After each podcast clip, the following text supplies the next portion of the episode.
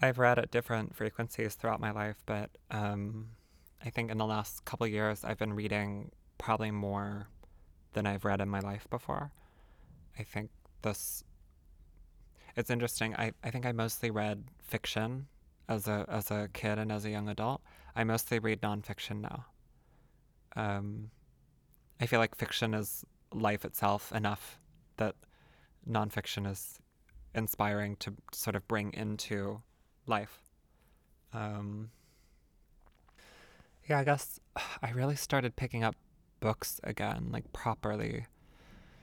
I had a I had a bit of a break uh, for a bit when I got really into clubbing and like that sort of visceral social experience of you know I was in a different city and like my communities there it revolved more around socializing in the body.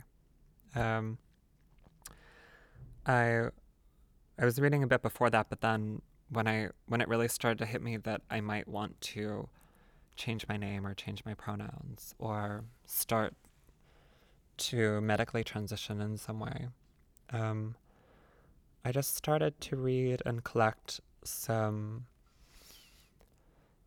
sort of biographies of different uh, transgender people. Uh, I I wanted to be certain that I felt how I felt, and somehow it gave me it gave me a way into my own thoughts to read other people's stories. It was also really, I mean, I was negotiating a lot at the time. How do I want to appear in the world? I guess this question of the avatar. I know that I'm fluid. I know that, you know, for instance, I can read my transness of in a mainstream narrative of being trapped in the wrong body just as much as I can read it through the lens of Paul Preciado and and from a from a perspective of pharmaceutical biohacking. I, I, I don't see those narratives as mutually exclusive. I think they can coexist at the same time even. Um, there are days where I feel like I'm trapped in the wrong body, and there are days where I feel like I'm just administering hormones and I'm out here, you know, a, a like feminist warrior out here in the in the pornographic pharma capital demolition of society. You know, it it really it really changes with my mood in terms of how I identify. Um, but I think that's sort of the power of good theory is it it has a rhythm and a poetry and a sort of relation to the world that I can feel that I felt with my body.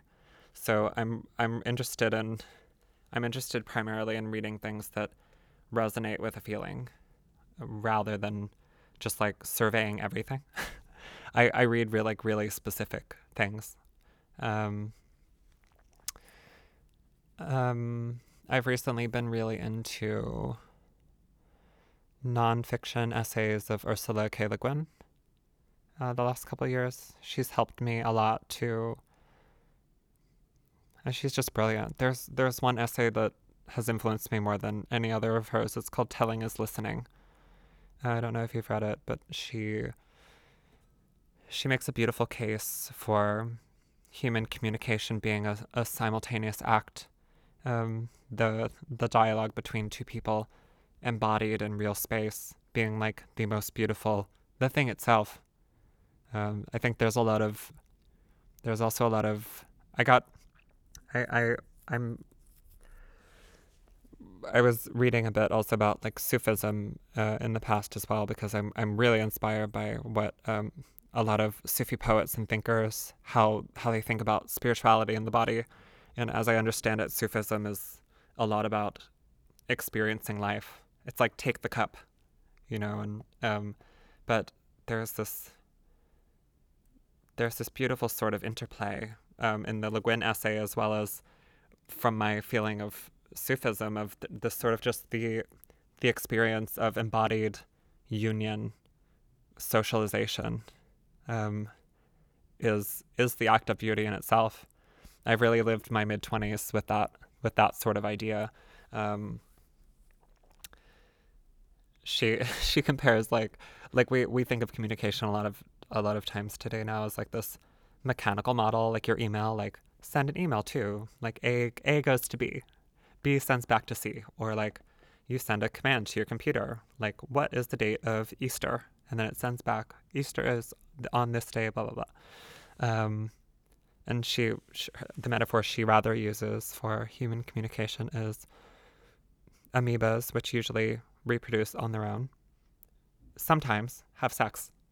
And when amoebas have sex, they simultaneously cut off a part of their genetic sequence and join it together and like share bits of each other at the same time. And you have this sense of it's sort of like it would be strenuous for both parties, but also they're getting something and they're joined mutually, you know? Uh, and I just find that really beautiful. Um, that's affected a lot of my um, how I feel in public, how I feel talking to people. That um,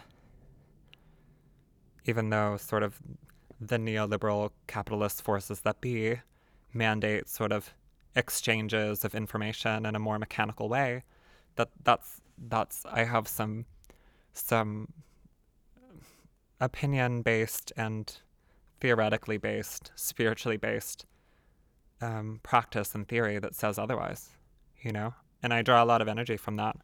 Um, yeah, I read a lot of nonfiction. I try to justify things that I feel. I do a lot of improvisation and music, but it's not something that's super taken seriously. So I bought a book about improvisation, a study on improvisation with interviews of 12 of the greatest improvisers in music. Uh, it's called The Lived Experience of Improvisation. Um, for, there's, for instance, Pauline Oliveros is, has an interview in the book. Um, it's beautiful. It's it's very detailed. It's uh, written by a UK music educator who um, really believes in uh, empowering empowering young musicians and learners to to improvise to play. Um, play is another thing that goes with having an avatar. If you have an avatar, you play with it, right? It's like this this whole thing. Um, are you interested to know other like other reasons I read or or other things I'm reading or I think um I read really slowly. I read like really like um like I was just reading an excerpt of Gertrude Stein saying, you know, her her famous quotation, her um, poem "A rose is a rose is a rose is a rose." Um, she was she was sort of lamenting in like a paragraph. I was just reading like a lot of people were saying, well, this is nonsense. You just, of course, in in speech you don't say is a is a is a is a that makes no sense. But she says, well, I think for the first time in maybe hundreds of years, this is the first text where a rose is actually read and you can see it. Sort of this this idea that rhythm and poetry, um, repetition, meter, the the syntax and the placement, the interrelation of words, how they're read, how they're placed on a page, all of this impacts the message.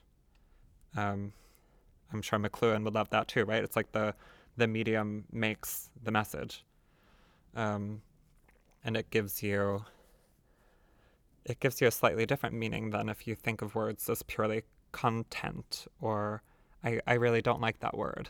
Um, uh, Susan Sontag's um, two essays against interpretation and on style were like hugely influential to me in the last two years, where she says, you know, basically everything is style. Even even people who try to make work without a style, that's a style. Um, even Camus who tries to make the most objective white page, that's very stylistic. It's not objective. We can't be objective. It's impossible. Um, this is all very empowering to me. So I read a lot of essays. Um, I don't actually read a lot of science fiction. My f- my uh, my favorite actual science fiction is uh, from Octavia Butler. Um, I think she's incredible, and the the sort of intersections she gets at as a woman of color in California. Um, it's it's just I mean, incredibly complex, nuanced, very lived characters. Um, but generally, I don't read so much fiction. I like to draw little theories out. Oh, one of the texts that I have read more than any other in the last years is um, The Ecstasy of Communication by Jean Baudrillard, um, which has influenced me a lot in terms of also coming to grips with this accelerating late capitalism, platform capitalism, this whole economic infrastructure that we have to work with as artists and what that means. Um, I think it's helped me to like try to position myself in a way where I can feel like I'm more on my two feet, a little bit more grounded, because um, there's just such a flurry of stuff going around. Um, I think he's quite funny too, in that in that essay. He's he's quite um, well nihilistic and funny. Um, so that's enough for me. Yeah, absolutely. That my my collaborations and work with my friends influence everything that I'm doing, and in a sort of solo context. Or, I mean, can you even say that? I think it's all tied together somehow. Um, I actually met, I met Colin Self, Holly Herndon, and Donna Huanca in 2016, uh, like just three years ago. Um, in different contexts, but I think so. I met Colin first, and I'd known Colin's work a bit, and I think our values just clicked immediately when we met. He he was always doing work that was based in sci-fi and queer anarchy, but with a strong sense of love and utopia and um, various performance practices. And I he, he was he was always just so generous to me when we initially became friends and he's he remains a good friend of mine to this day you know and like um i was very vulnerable at this time when i was just starting to transition i had very low self-esteem and i think in the case of all three of these collaborators you mentioned it's these are people who saw something in me and sort of li- you know lifted me and like supported me and raised me up and you know helped me to feel beautiful and valuable when I maybe wasn't. Um, and that's there's a strong community ethos there too, where I feel like I'm trying to support my friends as much as I can, as well. So, so with with um, with Colin, he, he shortly after we met, um, he introduced me to Holly Herndon, who is putting together an ensemble for her next record, which will come out shortly, called Proto. Um, so it's been it's been a maybe three year long process, but um, I don't know where to. I think I had been listening to Holly's music. Um, she she's like so influential in the electronic music underground uh, and has been as well as her partner Mat, um, who she's collaborated with for years. Um, and they they've been just really wonderful, and as well as the whole ensemble, sort of having again a choir to sing with. Um, super inspirational. They they they tackle hard questions and have really opened my eyes to a lot of possibilities and issues in terms of infrastructure, in terms of the economy, in terms of um, how we do what we do not just not just in a means of but through the means of an artistic practice, but also in terms of the economy, in terms of how we relate to corporations, how we relate to politics. Um, I think it's it's been totally beautiful to to to become good friends with them and work with them in that context because uh, they're they're just really they're really fierce um, and sort of unstoppable in and very extremely well read and extremely precise, um, and uh, have a lot of love for sort of building a community around what they're doing. Um, so that's been very inspiring for sure.